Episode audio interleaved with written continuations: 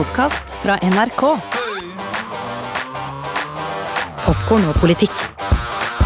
Med Sean Henrik Matheson og Gjermund Stenberg Eriksen.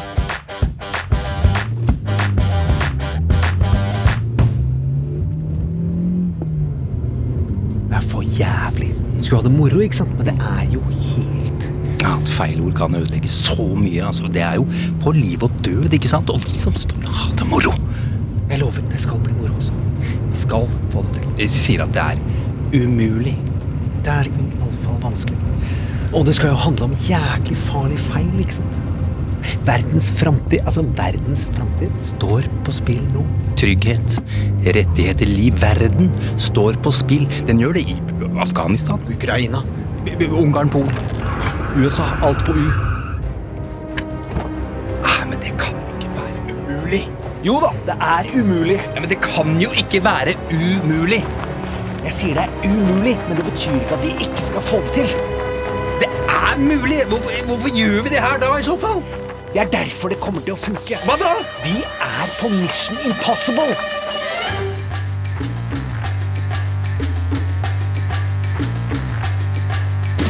Du som hører på nå, du er også med på et oppdrag i dag. Et vanskelig oppdrag i denne podkasten som heter Popkorn og politikk. To stikkord er forresten popkorn og politikk. Her tar vi makt på alvor. Hvordan makt misbrukes rundt omkring i verden. I virkeligheten, altså.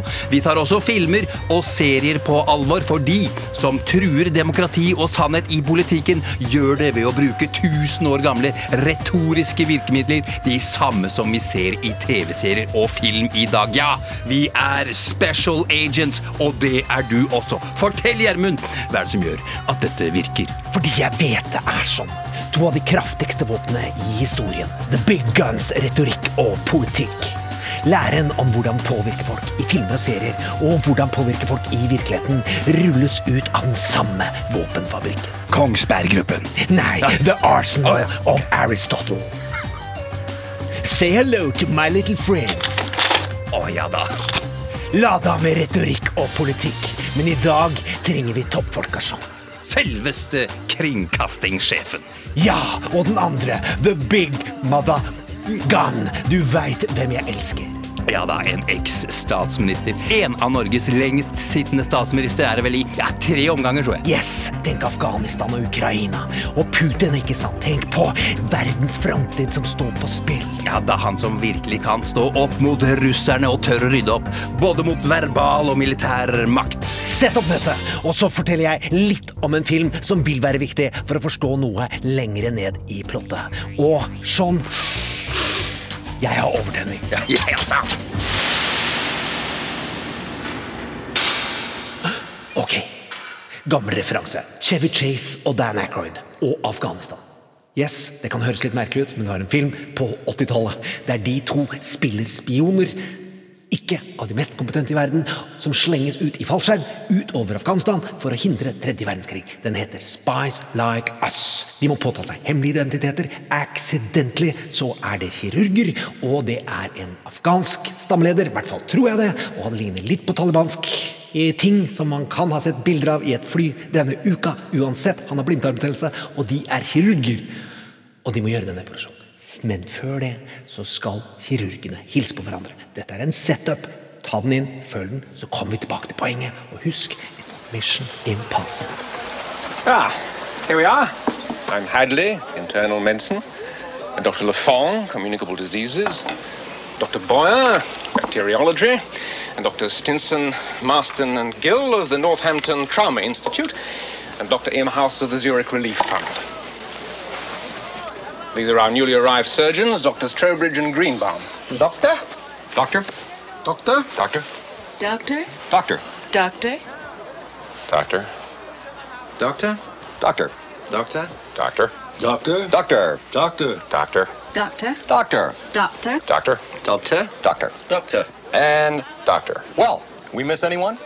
Dette møtet akkurat i dag, det har vi trengt, og det har vi venta på. At makta skulle være her hos eh, oss. Og den som har eh, stått mest opp mot den russiske statsmakta. Men la meg først eh, introdusere.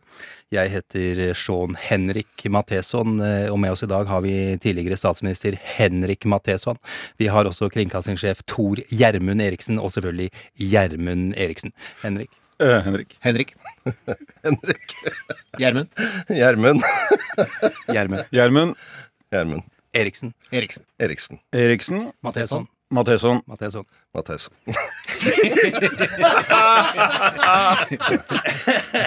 Dette er jo vårt eh, Spies like eh, us-øyeblikk. Eh, og igjen, til deg som er eh, noe yngre enn eh, oss gubber eh, i studio akkurat nå. En av de mest populære filmene i 1985, da jeg var 13 år gammel. Eh, og skuespiller Henrik Mestad Matheson, for det heter jo også Matheson eh, Mestad. Jeg jeg fikk eh, navnet Matheson eh, når jeg gifta meg, Ja. så nå heter jeg Henrik Matheson Mestad, og det Det er du som har bedt om møte. Det, det, gjør jo at når jeg hørte på dere en dag, da hadde jeg tilfeldigvis på ski i marka møtt Tor Gjermund Eriksen, og så hører jeg den introen deres, så tenker dette er jo helt skrullete. Og så er jeg her og ser en av dere og sier veit dere hva, dette er, er for bra til å være sant. Dere må ha to gjester som heter Henrik Matheson og Tor Gjermund Eriksen. Og tenk at vi fikk til det. Det er, det er helt eh, nydelig. Eh, Veldig god idé og godt eh, opplegg. Det er grunn god nok til å lage en times radio, er ikke er det? helt opplagt, ikke noe tvil om det. Men Henrik, du har jo da tidligere spilt statsminister. Da het du Jesper Berg. I, I serien Okkupert, det skal vi snakke mye om i dag. eh, Men før det, det er stas eh, å ha formannen på besøk. eh, Kringkastingssjefen eh, Tor eh, Gjermund. Og vi vil jo gjerne spørre deg om et eh, par ting. Vi lager jo en podkast her der eh, alle verdens antagonister spiller hovedrollen. Altså de autoritære. De som forsøker å bryte ned eh, demokratiet rundt omkring eh, i verden. Og eh, Tor Gjermund, finnes det en objektiv måte å dekke dette her på? Hvis du mener objektiv måte med at du skal dekke mange perspektiver og mange sider, så gjør du det. Men det fins ikke en helt nøytral måte å gjøre det på. Og det blir jeg ofte spurt om. Skal NRK være nøytrale? Og selvsagt skal vi ikke det. Altså, vi skal være det til dagligdags eh, politiske saker og konkrete ting. Og, og vi skal ikke minst speile et stort meningsmangfold. Vi skal slippe til alle, alle skal kjenne seg igjen. Men NRK har et normativt verdibasert oppdrag, og det har vi fra politikerne. Vi skal jobbe for inkludering, vi skal jobbe for likestilling, likeverd, demokrati, at folk synes Jo, men ikke sant. Ja, vet du hva, det står i første setning i NRKs oppdrag. Det står at NRK skal fylle demokratiske, kulturelle og sosiale behov. Og vet du hva, det er første setningen i BBCs oppdrag òg, så den er kopiert fra selve ja, hva skal vi si, ja, moder for allmennkringkasteren, BBC. Ja, jeg skjønner. De middelmådige imiterer, genier stjeler. Ja, så, så, så, så ikke sant, vi skal ikke være Vi skal være mot undertrykking og for likestilling og for menneskeverd og sånn. Og det, innimellom så får vi jo kjeft for det også, men eh, den kjefta, den lever jeg ganske godt med. Hvis det er lov å, med et litt sånn fanspørsmål eh, Hva følte du når du så NRK-medarbeiderens Jamals eh, Taliban-intervju? Syns du det var eh, En, en veldig en stor beundring, og så vet jeg kjenner jo, kjenner jo Yama så, eh, så godt at jeg vet at han har jo et hjerte også for det landet. Og jeg tenker at da gjør vi en helt fantastisk jobb, og det er helt utrolig viktig. Så, Da har vi tatt det fjerne. Ta, det nære. Og, eh, og det er, folk kan jo tro at vi driver med NRK-reklame, men én ting syns jeg er bra ja, å reklamere for. Ja, jo, men Nordisk-kontoret er oppe igjen. Eh, Det, Vi er jo tilhengere av all dekning utenfor landet, siden det er vårt mandat her i verden.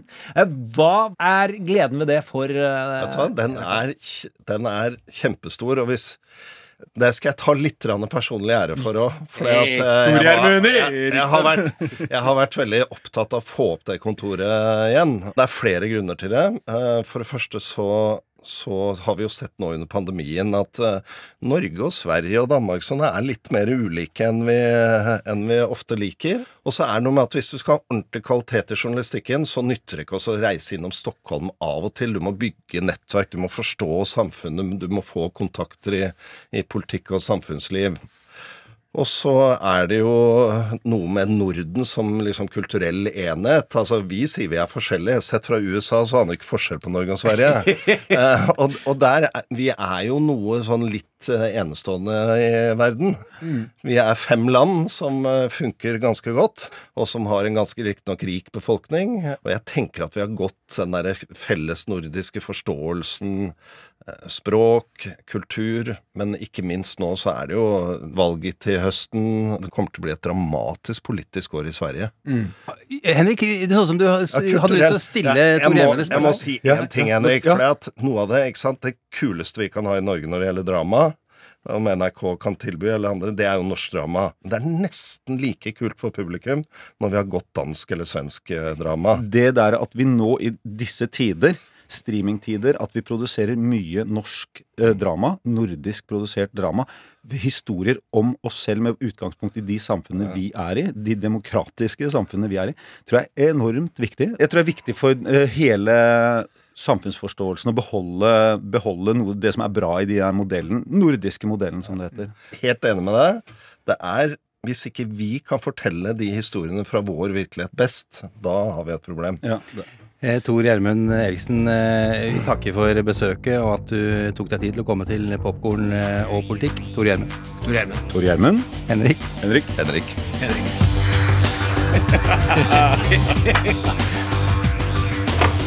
And your mission, if you choose to accept it, is Ta trykk på den der koppen der. Ja!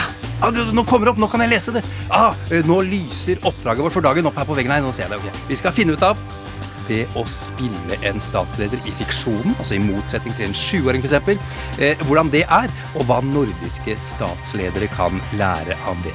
Vi skal også snakke om det å være en statsleder i virkeligheten. Boris, Putin, og de må ta med Trump også, eh, og hvordan de er flinke med ord og publikum, ikke minst. Og så skal vi jaggu se litt på det vakreste i retorikken. En stilstudie, kan vi vel kalle det. Vi skal se på talene til Barack Obama. this message will self-destruct in three seconds. Two, one.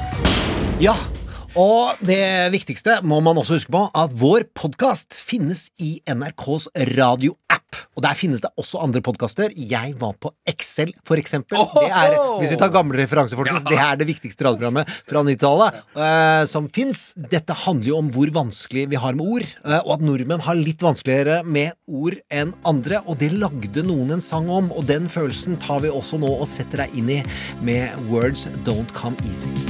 Words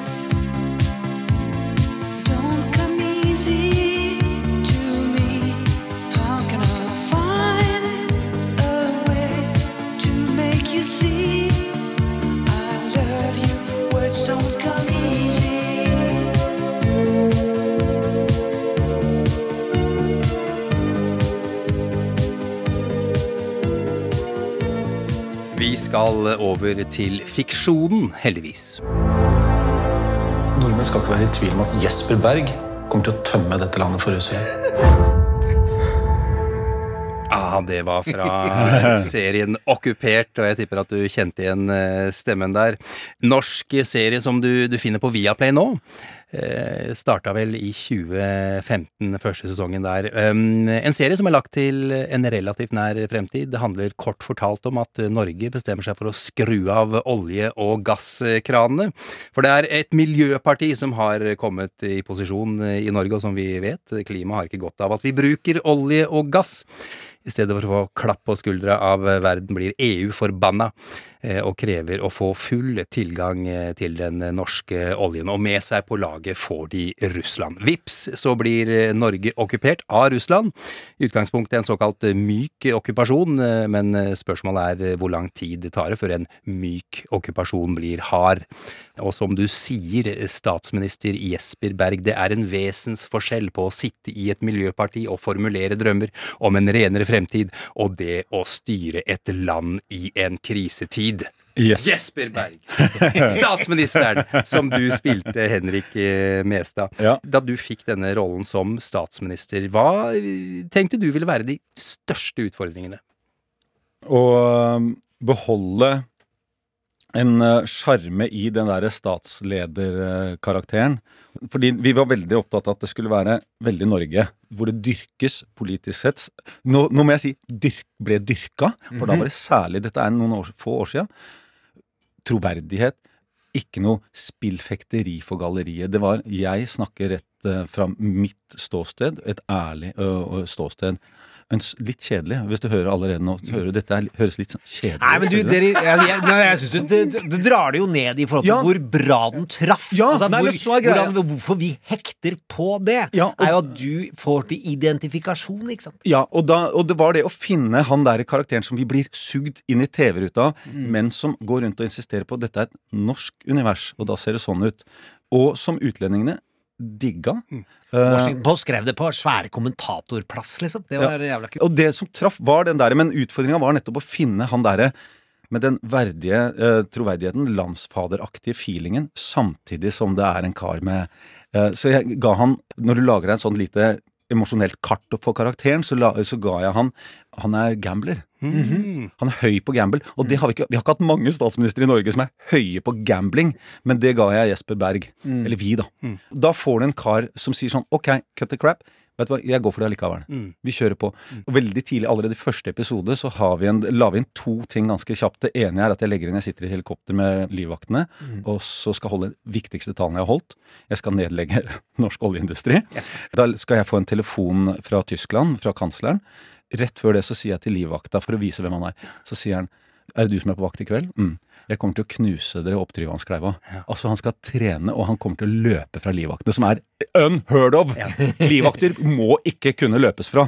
Så vi legger inn den, og så får Nå er kansleren på telefon.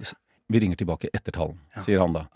Gambler. Men du, bare, unnskyld, men, men du sa at utlendingene eh, satte veldig stor pris på din statsminister. Hva- Hvorfor det? Nei, det, og det tror jeg var- ikke var den gamblergreia. Dette var- Den gamblergreia snakker jeg om for å hekte folk, og vi trengte den, en karakter med det persontrekket. Men nei, det de digga, var nettopp det derre Det virka så utrolig sant, fordi vi hadde sett så mye på hvordan fungerer en norsk politiker, den streite, ordentlige, som har vokst opp i dette sosialdemokratiet her. Vi gjør som Gro Harlem Brundtland sa. Dere eh, gikk for autentisitet uten at det ble pompøst. Eh, Ja. altså Det er det som fort gjort hadde blitt tidligere i norsk politisk drama. Så opplevdes det i Norge som litt nær science fiction, og ble det litt rart. Men i min favorittpodkast, altså Political Gabfest, som har holdt på siden 2007, de var fra seg av beundring, liksom. Altså Occupy den setter virkelig ord på hvordan silkerevolusjoner skjer, og dette skjedde jo parallelt med den første runden i Ukraina, et par virkelig Putin-grep. Har du opplevd hvordan utlandet se, ser på serien? Åh, altså maken til opplegg til en Smash. Skal du lete lenge etter. Fordi jeg har jo Gang iblant har jeg da møtt Jens Stoltenberg, som har sett serien, ikke sant? og som jo veit masse om å være statsminister i Norge. Og med den jobben han har nå, så forteller han Han er da Nato-sjef for deg som bor i ut, Der hvor da? Under en stein? Ja, Nei, så forteller han mer og mer som denne serien har gått. Altså, Jeg har nesten ikke møtt en general sier han, som ikke tar opp dette her. You're from Norway, Mr. Gen Secretary General. Uh, uh, det er veldig gøy. Dette er et par år siden. Og så kommer det nå, for ikke så altfor lenge siden, så møter jeg han igjen, og så forteller han at eh, jeg hadde altså et møte med Australias statsminister i går, med delegasjon. Hele pakka. Kjempesvær. Kan du, kan du gjøre med det Jens Stoltenbergs stemme òg? Ja, nei, ja, nei, ja, men nei ja, så, det, jeg, kan, slu- nei jeg, jeg, jeg liker ikke å herme etter han, jeg, fordi, okay, fordi han, han, jeg, jeg setter så stor pris på han. Men eh, eh, så Jeg hadde møte med Australias statsminister i går, og han uh, syntes det var jeg er jo generalsekretær i Nato, det syntes han var ganske imponerende. Det han syntes var mye mer imponerende, var at jeg kjente så vidt en kar som spiller statsminister i et land hvor jeg har vært statsminister! Han snakka om det to ganger i løpet av to timers møte!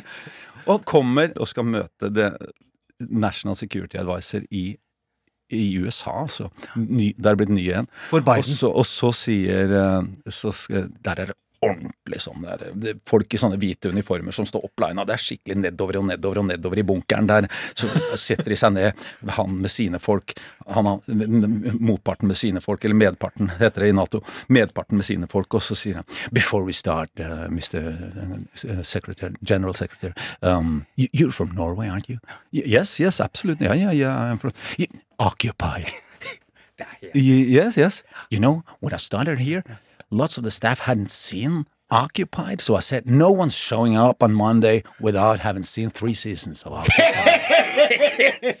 Men du, da får jeg lyst til å spørre deg, hvordan føles det? Det er et teit spørsmål, men hva, hva, Nei, du merker Du hører jo ikke Jeg og ser ser og hører jo ikke hvordan det føles. Det mye større Det som er helt- ja. Det som er helt fantastisk, er nettopp det derre at fagfolka, også i Norge, men også veldig mye ute i verden, digger det. Ja. Fordi det ligner For oss, publikum i Norge, så ble det litt sånn Hæ, er det så troverdig? Var ikke det litt rart, da?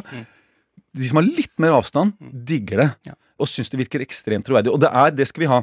Det er supergodt researcha. Hver, hver ting er supergodt researcha. Gratulerer, Karianne Lund. Eh, Beinhard konkurrent. Jeg håper du slutter som serieskaper, så vi får deg vekk fra brettet. Men, men nå nevnte du Og noe- andre forfattere og utrolig mange selskaper inne. Du nevnte Jens Stoltenberg. Eh, Er, er, har du sett til han? Eh, Hvordan har du gjort research eh, utover det du allerede har fortalt? Når jeg begynte, Ja. så så jeg eh, på han. Jeg Fikk snakke mye med folk som har jobba tett rundt han. Men er det sånn at du da ser på hvordan Jens Stoltenberg går, hvordan han snakker, ser du på Erna, hvordan hun ter seg? Er det sånne ting? Ja da, det òg. Ja. Absolutt Ja, det òg. ja. Og se hvordan de Men der, og da gjør jeg helt ikke helt som de gjør, ikke sant. Fordi det er eh, Norske politikere har det Altså, jeg, eh, jeg er troverdig, og jeg er sånn, og jeg stoler på det. Ja. Jeg stoler på det. Det går ikke i en dramaserie. Jeg, jeg stoler på det. Mm. Jeg må videre. Jeg går videre. Så når jeg holder taler, Mm. så høres de annerledes ut enn en norsk politiker som holder taler. Fordi i Norge kan man fortsatt hvile i den 'jeg kan mitt fag'.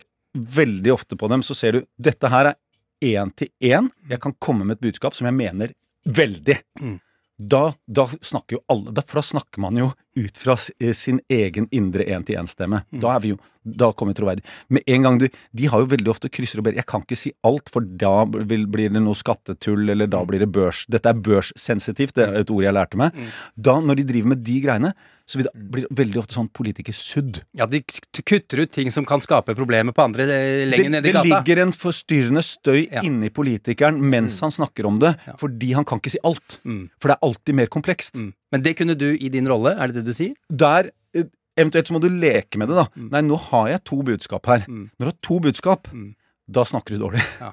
Hvis du prøver å skjule det ene. Mm. Sånn rent retorisk, hva var det din eh, statsminister var god til? Han er mye mer fordi han har den mer gambleren i seg. Altså med andre ord, han tillater seg å jukse litt. Mm.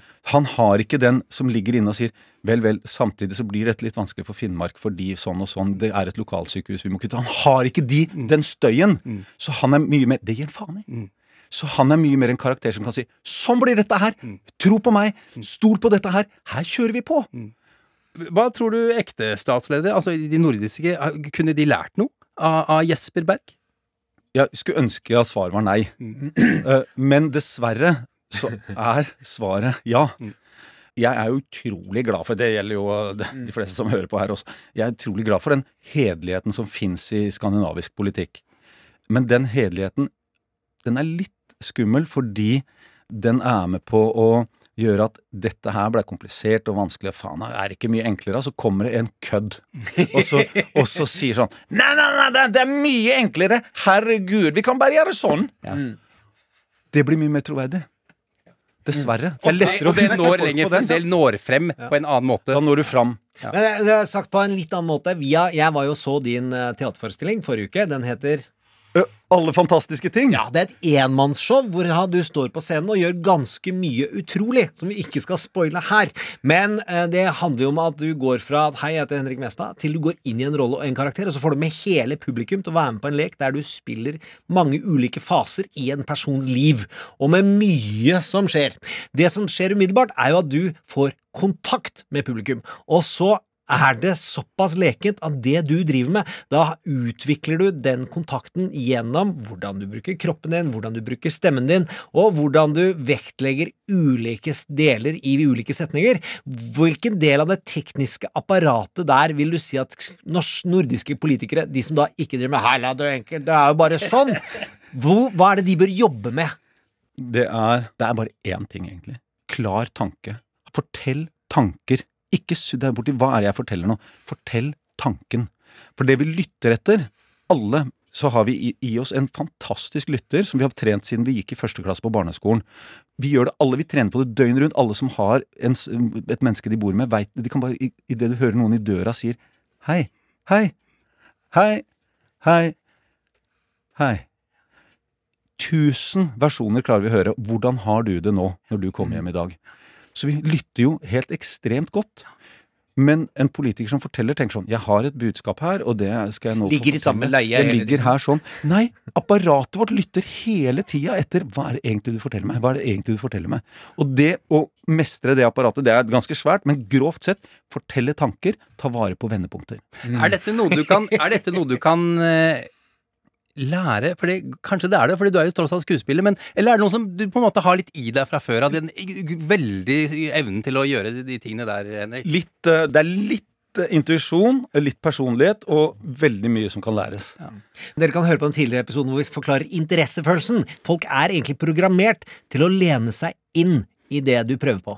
Og det å utnytte det når du skal gå opp i engasjement, når du skal gå ned, og det å klare å sette opp en ordentlig god pause for å komme til det punktet der det er tungt, det er også en del av denne teknikk som kan øves på, syns jeg. da. You have to earn your pauses. En av de første jobbene jeg gjorde etter teaterskolen, var med John Barton. Og den setningen fryser jeg på ryggen av. John Barton han var den store. Det er han, den, st- det er han som har forma Royal Shakespeare Company. Alle de store, ikke sant? John Barton. Henrik, you have to earn your pauses. Altså, du må jobbe fram til et sted hvor det er Nå er dere her fordi jeg tenker at Dette, tenker jeg. Visninger. Vi må gå til eh, det vi, skal, vi- vi må gå inn i mørket. skal vi må vi ta for oss de mørke antagonistene i verden. Der tar vi en Hva var det Tor Emne Eriksen sa? Vi er eh, ikke nøytrale. Jo, vi er nøytrale. nøytrale. Ja, vi er nøytrale, ja, ja. Men vi har verdier. Ja, Altså, vi er imot vi kan liksom, ta som- verdistandpunkt. Eh, eh, Det kan vi gjøre. Demok demokratifiendtlige innstilte statsledere, de kan vi være kritiske til. Ja, det er lov. Greit. Han sa at det står i charteret her at dere skal ta vare på demokratiet. The words that make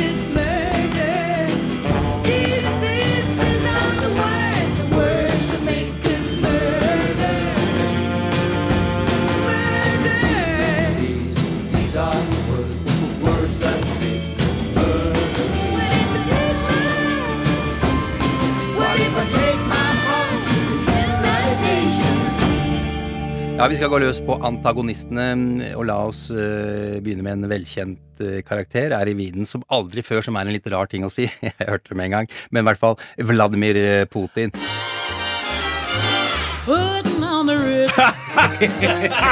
Ja, Er dette en uh, karakter det er verdt å studere for en skuespiller? Ja, Vladimir Putin. Det er Hvis du ser Når han går og er statsmann Han har jo fronta mye de bildene vi kjenner hvor han er på jakt og går i baris og sånn. Det er jo stillsbilder. Men hvis du ser når han går, så kan du legge merke til én ting. Hvordan eh, har armene det? Og på han, da. Den ene armen, den er løs. Den andre er ikke løs. John Wayne. Og det er Ja, men John Wayne han hadde to stive skudd som han brukte. Mens, mens ja. Putin han har Ja, faktisk, det er noe John Wayne, for han har den vridningen, samme vridningen. Og så er den ene armen er løs, den andre er stiv. Og den forteller meg, da, i mitt fag, så forteller den, når jeg lager det, det er en kar som fortsatt er utrygg. Mm. Han er usikker på noe. Og hvis man skal da gjette med Putin, det jeg tror Du har jo folk som er ikke er så høye, og som er helt happy med det, og alt er tipp topp. Halvparten av alle Hollywood-stjerner er jo under 1,70. Mm. Helt happy med det. Det er dritbra. Det fungerer faktisk jævlig bra på kamera. Og da er man til stede i sin egen kropp. Problemet til oss som ble lange når vi gikk på teaterskoler, det er at vi har ikke fylt ut kroppen vår energimessig. Så når jeg gikk på teaterskolen så, og spiller, så bøyer jeg meg fram så nakken Hvis du kan høre på stemma mi, hva som skjer da. Fordi du har ikke fylt ut kroppen din med ditt indre. Men hvis du er 1,67, så har du fylt ut det mye før. Og da er du som halvparten av alle store Hollywood-stjerner, det er Al Pacino som dere snakka om. Ja, Tom Cruise. Da fyller du det, og det er dritbra på kamera. Putin, han har den høyden. Og han er ikke happy med det. Og det syns.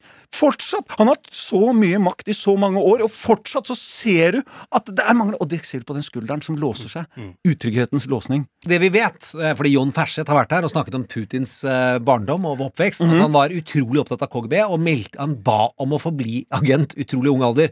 Den som gjør det, er ikke trygg. hva er oppsiden av hans framtoning? Oppsiden er jo at han slapper jo aldri av. Mm. Apropos det å kommunisere, ikke sant. Det man kan gjøre når man slapper helt av, er å kommunisere litt sånn at eh, energien din går litt i alle retninger. Hit, dit. Så jeg sprer litt her, jeg er god og varm og koser meg og får med meg deg. Når du skal komme gjennom en TV-rute, så må du ha en stråle. Du må ha en stråle for å holde på folk. Tjo, da er strålen. Og han har alltid en sånn stråle. Altså energien hans går i den retningen som den skal gå. Men det er vel en bra ting på et vis? Dritbra Ja, for ja. eh, han. Ja, Det er ja. ikke så bra for oss. Nei, nei, nei.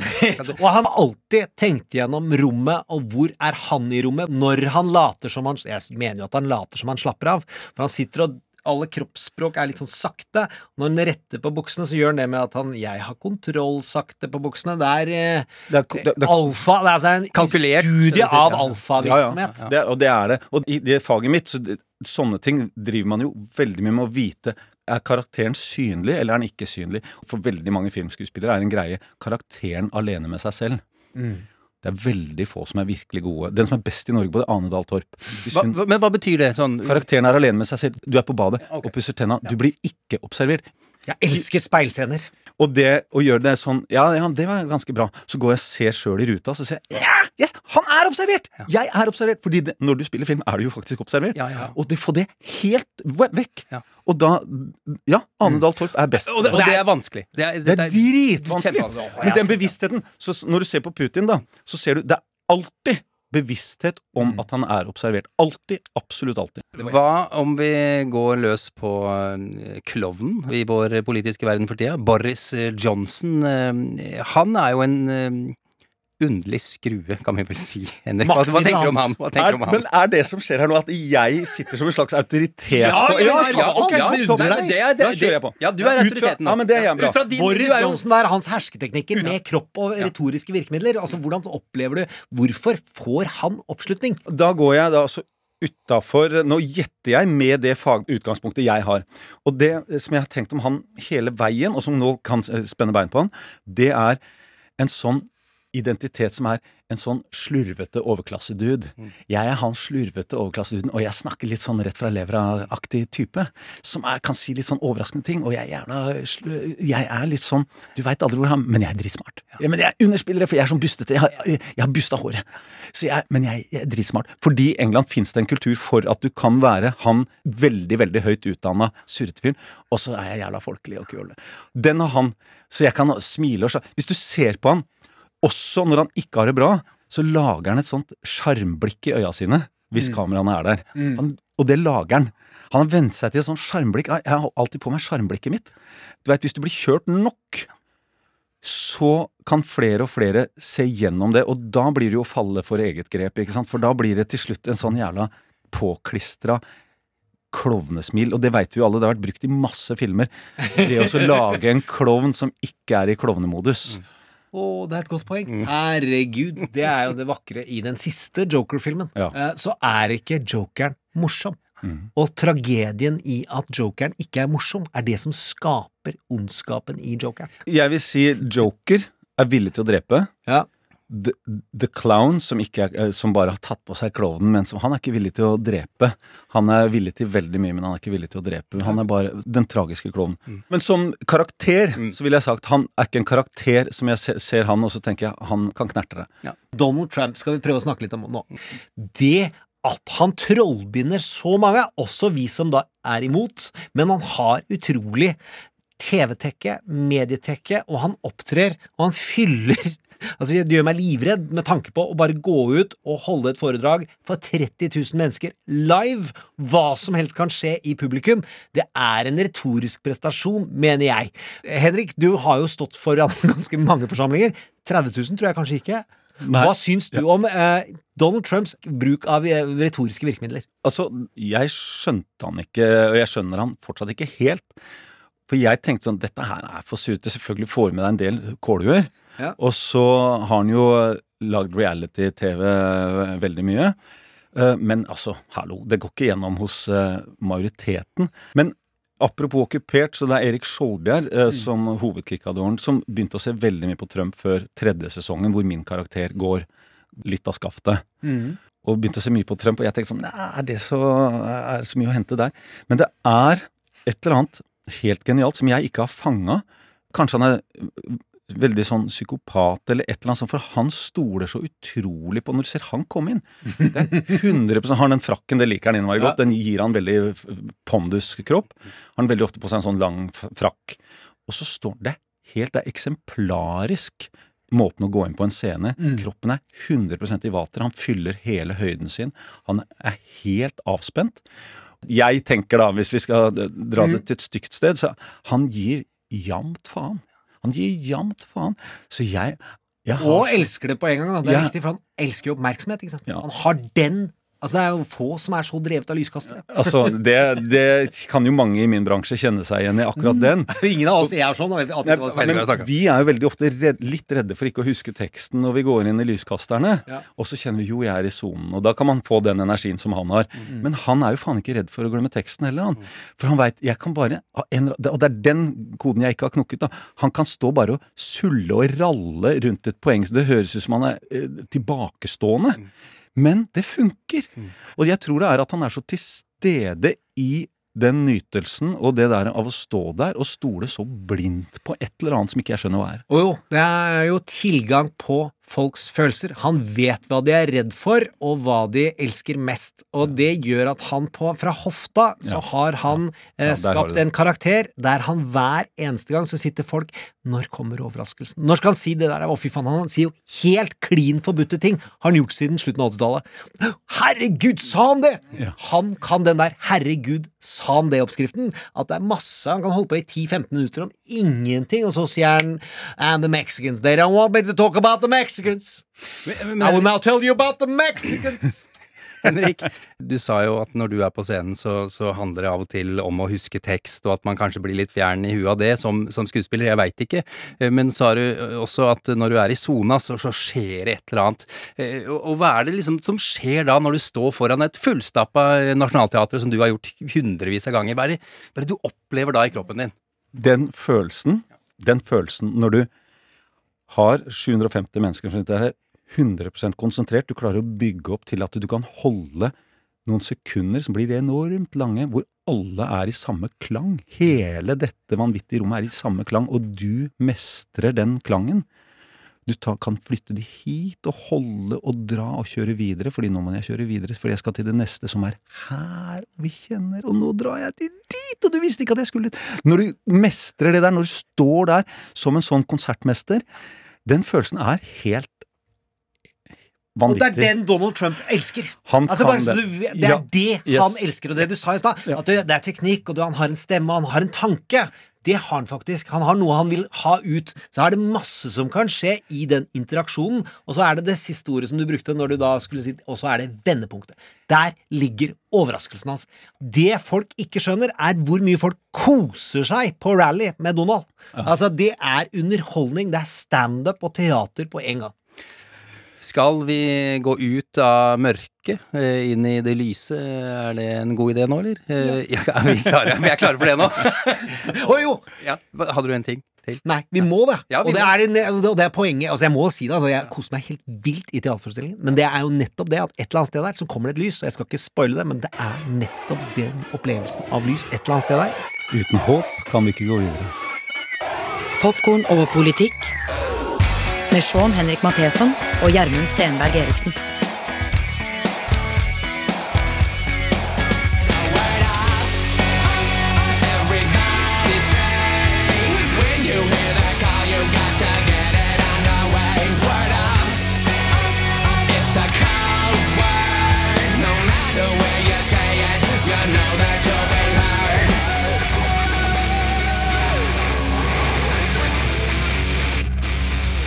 Så til en person som vel ingen hadde blitt fornærma over dersom han skulle reise seg opp og holde tale i et bryllup uten å ha meldt fra på forhånd. USAs 44. president Barack Obama. Han gjorde seg først bemerket i 2004, da han var hovedtaler ved Demokratenes landsmøte.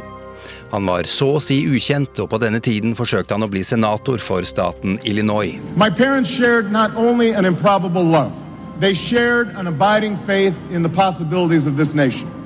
Her var terrorangrepet på World Trade Center fortsatt rimelig nær historie, og han bar også navnet Barack Hussein Obama. They would give me an African name, Barack or Blessed, believing that in a tolerant America, your name is no barrier to success. Han brukte seg selv og sin egen historie som bevis på at jo, alle kan lykkes i USA. There is not a liberal America and a conservative America. There is the United States of America. There is not a black America and a white America and Latino America and Asian America. There's the United States of America. Denne talen skrev Obama uten taleskriver. Senere, når taleskriverne hans slet med å skrive for ham, leste de denne på nytt for å huske hvem Barack var. I 2008, da han var presidentkandidat, holdt han en tale som flere mener reddet kampanjen hans. A More Perfect Union. The good and the bad Obamas lokale pastor, en nær venn og mentor, hadde gått hardt ut mot USA. Både for krigslyst, men ikke minst for rasisme. I can no more disown him than I can disown the black community. Igjen brukte Obama sin egen historie.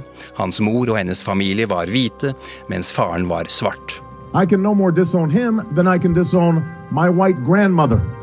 A woman who helped raise me, a woman who sacrificed again and again for me, a woman who loves me as much as she loves anything in this world, but a woman who once confessed her fear of black men who passed her by on the street, and who on more than one occasion has uttered racial or ethnic stereotypes that made me cringe.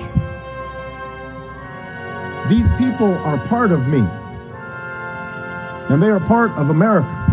I hans vinnertale fra 2008 utvidet han sitt mantra til ikke bare å gjelde demokrater, men hele den amerikanske befolkningen. This is our moment.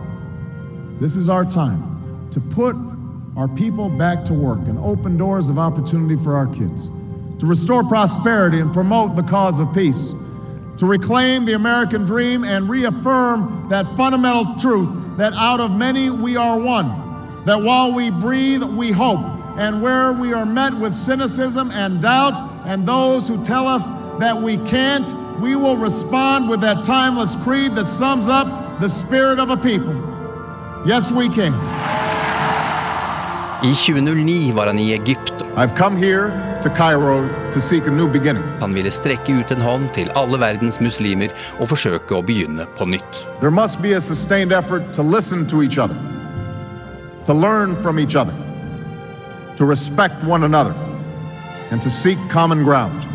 Selv daværende statsminister i Israel, Benjamin Netanyahu, ble inspirert, og ikke lenge etter åpnet han for første gang opp for muligheten for en tostatsløsning mellom israelere og palestinere. The only resolution is for the aspirations of both sides to be met through two states where Israelis and Palestinians each live in peace and security. Da Obama vant fredsprisen i 2009 knapt nok varm i trøya, var han også øverste leder for et land som på det tidspunktet holdt to kriger. Han forsvarte bruken av makt. There will be times when nations, acting individually or in concert, will find the use of force not only necessary but morally justified. Og sa at verden må akseptere at blodige konflikter aldri vil forsvinne. As someone who stands here as a direct consequence of Dr. King's life work, I am living testimony to the moral force of nonviolence. I know there's nothing weak, nothing passive, nothing naive in the creed and lives of Gandhi and King. But as a head of state, sworn to protect and defend my nation, I cannot be guided by their examples alone. Under Obama var det svært mange masseskytinger, mass shootings. Dylan Roof, the white suspect accused of the nine murders at the Emmanuel AME Church. One of the deadliest mass shootings in South Carolina state history. Og det er når Barack Obama har holdt minnetale for disse grusomhetene at flest historikere mener at han er som aller best. Blinded by hatred, the alleged killer could not see the grace surrounding Reverend Pickney and that Bible study group. The light of love that shone as they opened the church doors and invited a stranger to join in their prayer circle. Amazing grace, how sweet the sound. Talen som blir trukket fram som en av hans aller beste, er 50-årsmarkeringen for en av de viktigste borgerrettighetsaksjonene i USA, Selma til Montgomery-marsjen i Alabama i 1965. The American instinct that led these young men and women to pick up the torch and cross this bridge. Cirka 600 mennesker skulle gå. Det lokale politiet nektet å bistå demonstrantene og beskytte dem mot rasistene. It's the same instinct that drew immigrants from across oceans and the Rio Grande. The same instinct that led women to reach for the ballot, workers to organize against an unjust status quo. The same instinct that led us to plant a flag at Iwo Jima and on the surface of the moon.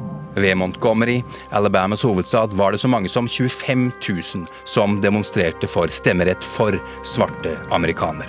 It's the idea held by generations of citizens who believe that America is a constant work in progress, who believe that loving this country requires, requires more than singing its praises or avoiding uncomfortable truths. It requires the occasional disruption, the willingness to speak out for what is right, to shake up the status quo. That's America. Talen Obama holdt under minnemarkeringen er det enkelte som sammenligner med den Lincoln holdt ved Gettysburg i 1863. 50 000 soldater ble drept, men Lincoln snakket om at alle mennesker er like mye verdt, og at borgerkrigen ikke bare var en kamp for unionen, men for frihet og likhet for alle. Obama gjorde det samme. Young people behind the Iron Curtain would see Selma and eventually tear down that wall. Young people in Soweto would hear Bobby Kennedy talk about ripples of hope and eventually banish the scourge of apartheid. From the streets of Tunis to the Maidan in Ukraine, this generation of young people can draw strength from this place, where the powerless could change the world's greatest power and push their leaders to expand the boundaries of freedom. What greater form of patriotism is there than the belief that America is not yet finished?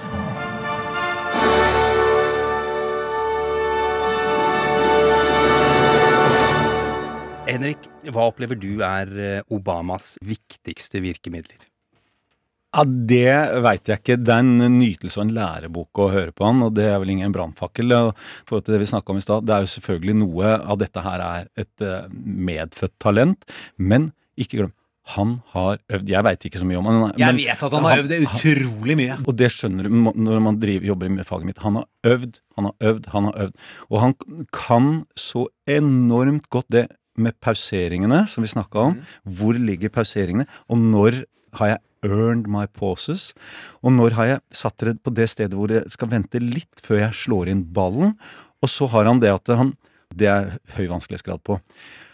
Jeg ligger her, dette er det samme temaet, jeg tar inn et poeng, men temaet fortsetter, for nå snakker jeg videre om det samme temaet, men jeg har allikevel dere i det samme tankerekkesystemet mitt, inntil jeg har banka inn den og den og den, mine venner. Nå skifter jeg, nå har jeg et annet poeng, og det er dette her. Og så kjenner jeg akkurat Nå er stadion så stor, så pauseringene skal være så svære. Fordi når du blir ganske god, så er en av brølerne er at jeg er så god til å drive fortellingen gjennom at jeg drar forbi, så du, har- du henger igjen ett sekund bak der. Nå er jeg videre. Da blir du ikke med meg videre. Du må kjenne alltid når har jeg dere.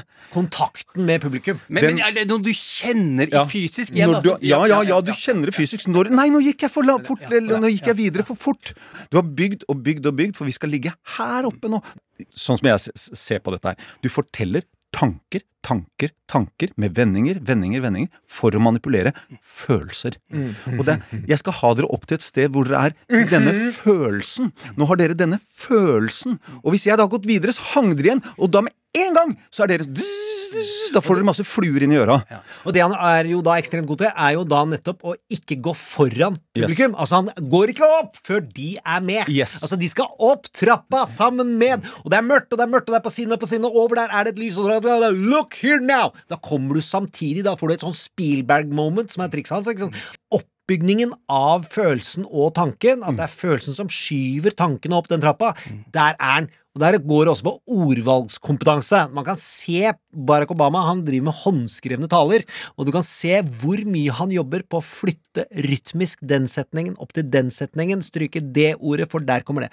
Der er det vilt håndverk av det han gjør. Et stort ord som vi ikke har snakka om ennå, det er jo der jeg mener Obama har endra verdens krav til politikere. Og det er at før så var makten i at du framførte en skrevet tekst godt, og kontrakten var at dette er jo skrevet, så nå hører jeg en fyr som leser ganske godt. Obama leser talen sin som om han tenker den der og da. Altså opplevelsen, og dette ordet er da viktig, autentisitet. Du får følelse av at dette skjer i øyeblikket. Og tidligere, altså vi kan ta sittende statsleder som befinner seg et eller annet sted i USA, Støres styrke har jo vært å være forberedt. Altså at han har det skrevne ord, og er i, diplomatiet så er det det som belønnes. Det som belønnes nå, er autentisitet. Yes. Følelsen av at dette skjer i nuet. Ja, At tanken skjer nå. Og for oss, i min verden, så er jo det det er ABC-en. Det er det som du får høre førsteåret på teaterskolen. Du må oppleve nå. Legg merke til det sjøl også, hvis du er i teater særlig, for der har vi ofte monologer. Nå hører jeg at skuespilleren har begynt på en monolog.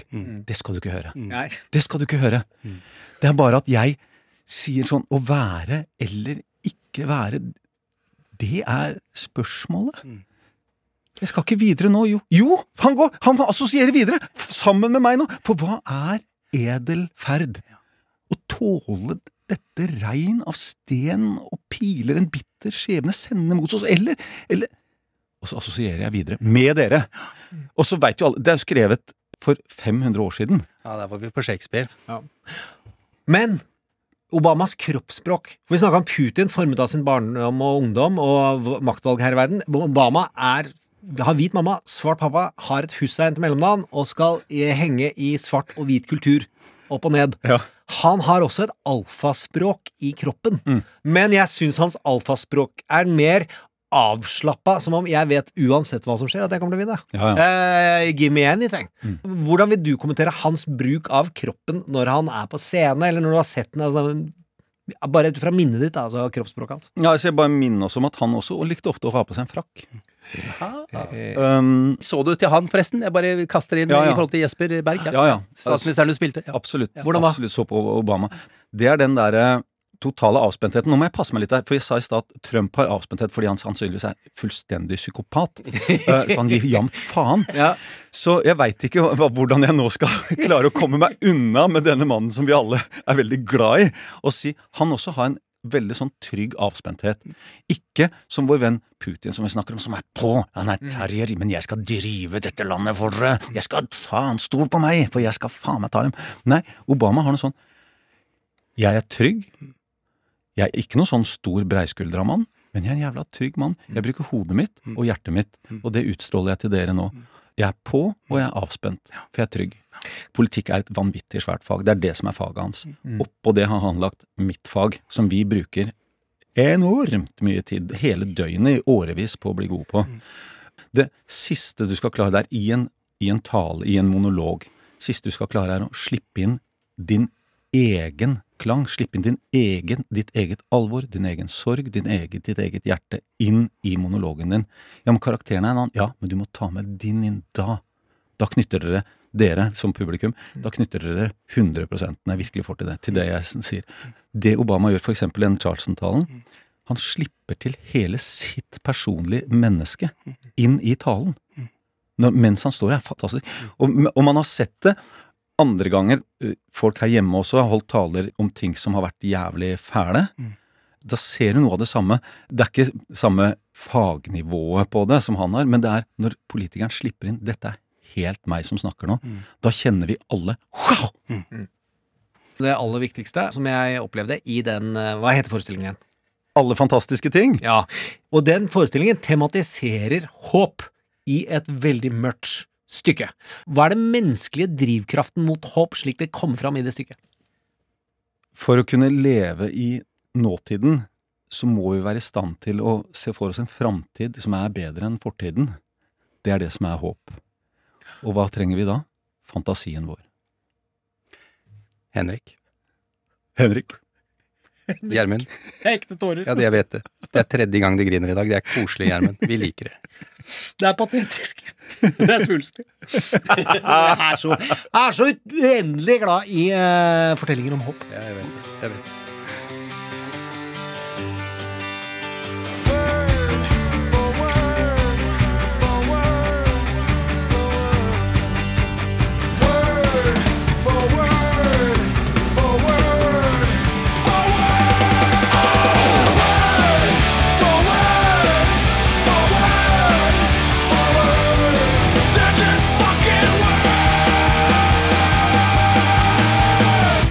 Popkorn og politikk. Ah, se der, ja. Mm, Det var deilig. Ennio Morricone er aldri feil. Oklahoma. Oklahoma. Montana. Wyoming. Vi er i Vesten. Ville Vesten. Ja, og de her skal vi være en god stund. Det vil jeg si, i hvert fall. Ja, det er deilig. Vi må jo be deg som hører på, da. Du må jo anbefale oss eh, til folk du liker eh, og stoler på. Eh, Fortelle dem at hei, eh, du må høre på Popkorn og politikk, de to gutta, er knakende gode. Tenk på det sånn å lade revolveren og skyte podkasten inn i andres telefon er den anbefalingen. Altså, gå inn i westernforholdet eh, allerede nå. Eh, Sofie Høgestøl kommer neste uke, og det er noen kanon-westernfortellinger som da igjen har blitt populære, og det har det ikke vært i mainstream USA på i hvert fall to tiår av siden. Ja, det og det er kjempeinteressant at det skjer, og mest av alt så skjer det helt kanaka spennende. Og tilbake, Mission Impossible. Ordenes betydning i Norge. Jeg mener at alle bør slutte å snakke ned de som prøver å få til ting med ord. Vi har en kultur og en tradisjon for å si at ting er bare, er bare retorikk. Og de eh, politikerne som prøver, de skal eh, harseleres med. Og nei, det er ikke holdt så holdsvevende. Bare tro på statsvitenskapens faktiske bruksanvisning. Det skal engasjere. Til det vil jeg si, dere politiske kommentatorer som ironiserer over retoriske virkemidler, samtidig som dere bruker de mest fantastiske retoriske virkemidler. Altså de som er flinkest til å sable ned retorisk dyktig politisk kommunikasjon bruker jo retorisk dyktig kommunikasjon. Jeg tar dette med humør, men inni meg så er jeg Så koker du. Jeg ser du er rød i ansiktet. Eh, og det å engasjere folk inn i norsk partiflora, det er et kjempeviktig for demokratiet. Og det syns jeg folk skal framsnakke, heie på og belønne. Nå ser vi jo at de siste 20 årene, de som er veldig flinke til det, pleier å bli belønnet. Eh, kan vi slutte å late som at de fikk det til uten å være dyktige med ord? Takk skal dere ha for det, og husk på følgende. De kreftene på utsiden av demokratiet de som da er utenfor denne eh, partifloraen, det autoritære, de antifakta, de som drives av antifaktabaserte nyheter, de er flinke med ord. Det er ikke politikken deres som selger. Hva skal vi bekjempe med det om vi ikke skal engasjere folk i ideen om hvordan vi styrer landet? Med dette så vil jeg ta tilbake til western Towns Van Zandt. Altså Shakespeare of Country og de bevingede ordet 'Waiting Around to Die'. Hør på de første versene. Det er smerte på boks. Sometimes I don't know where this dirty road is taking me. Sometimes I don't even know the reason why. But I guess I keep a gambling, lots of booze and lots of rambling. Well, it's easier than just a waiting around to die. All one time friends, I had a ma, even had a pa. Well, he beat her with a belt once, cause she cried. She told him to take care of me, headed down to Tennessee.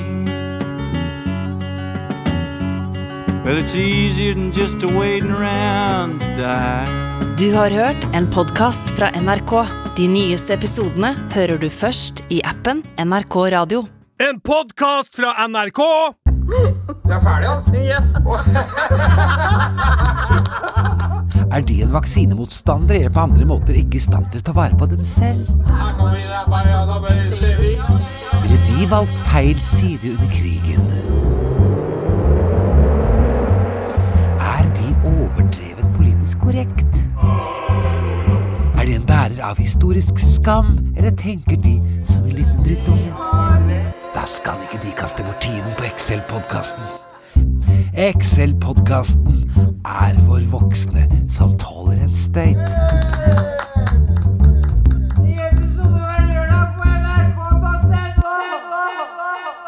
Hør XL-podkasten først i appen NRK Radio.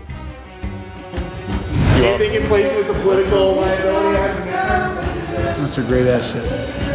More inflation. What a stupid son of a bitch.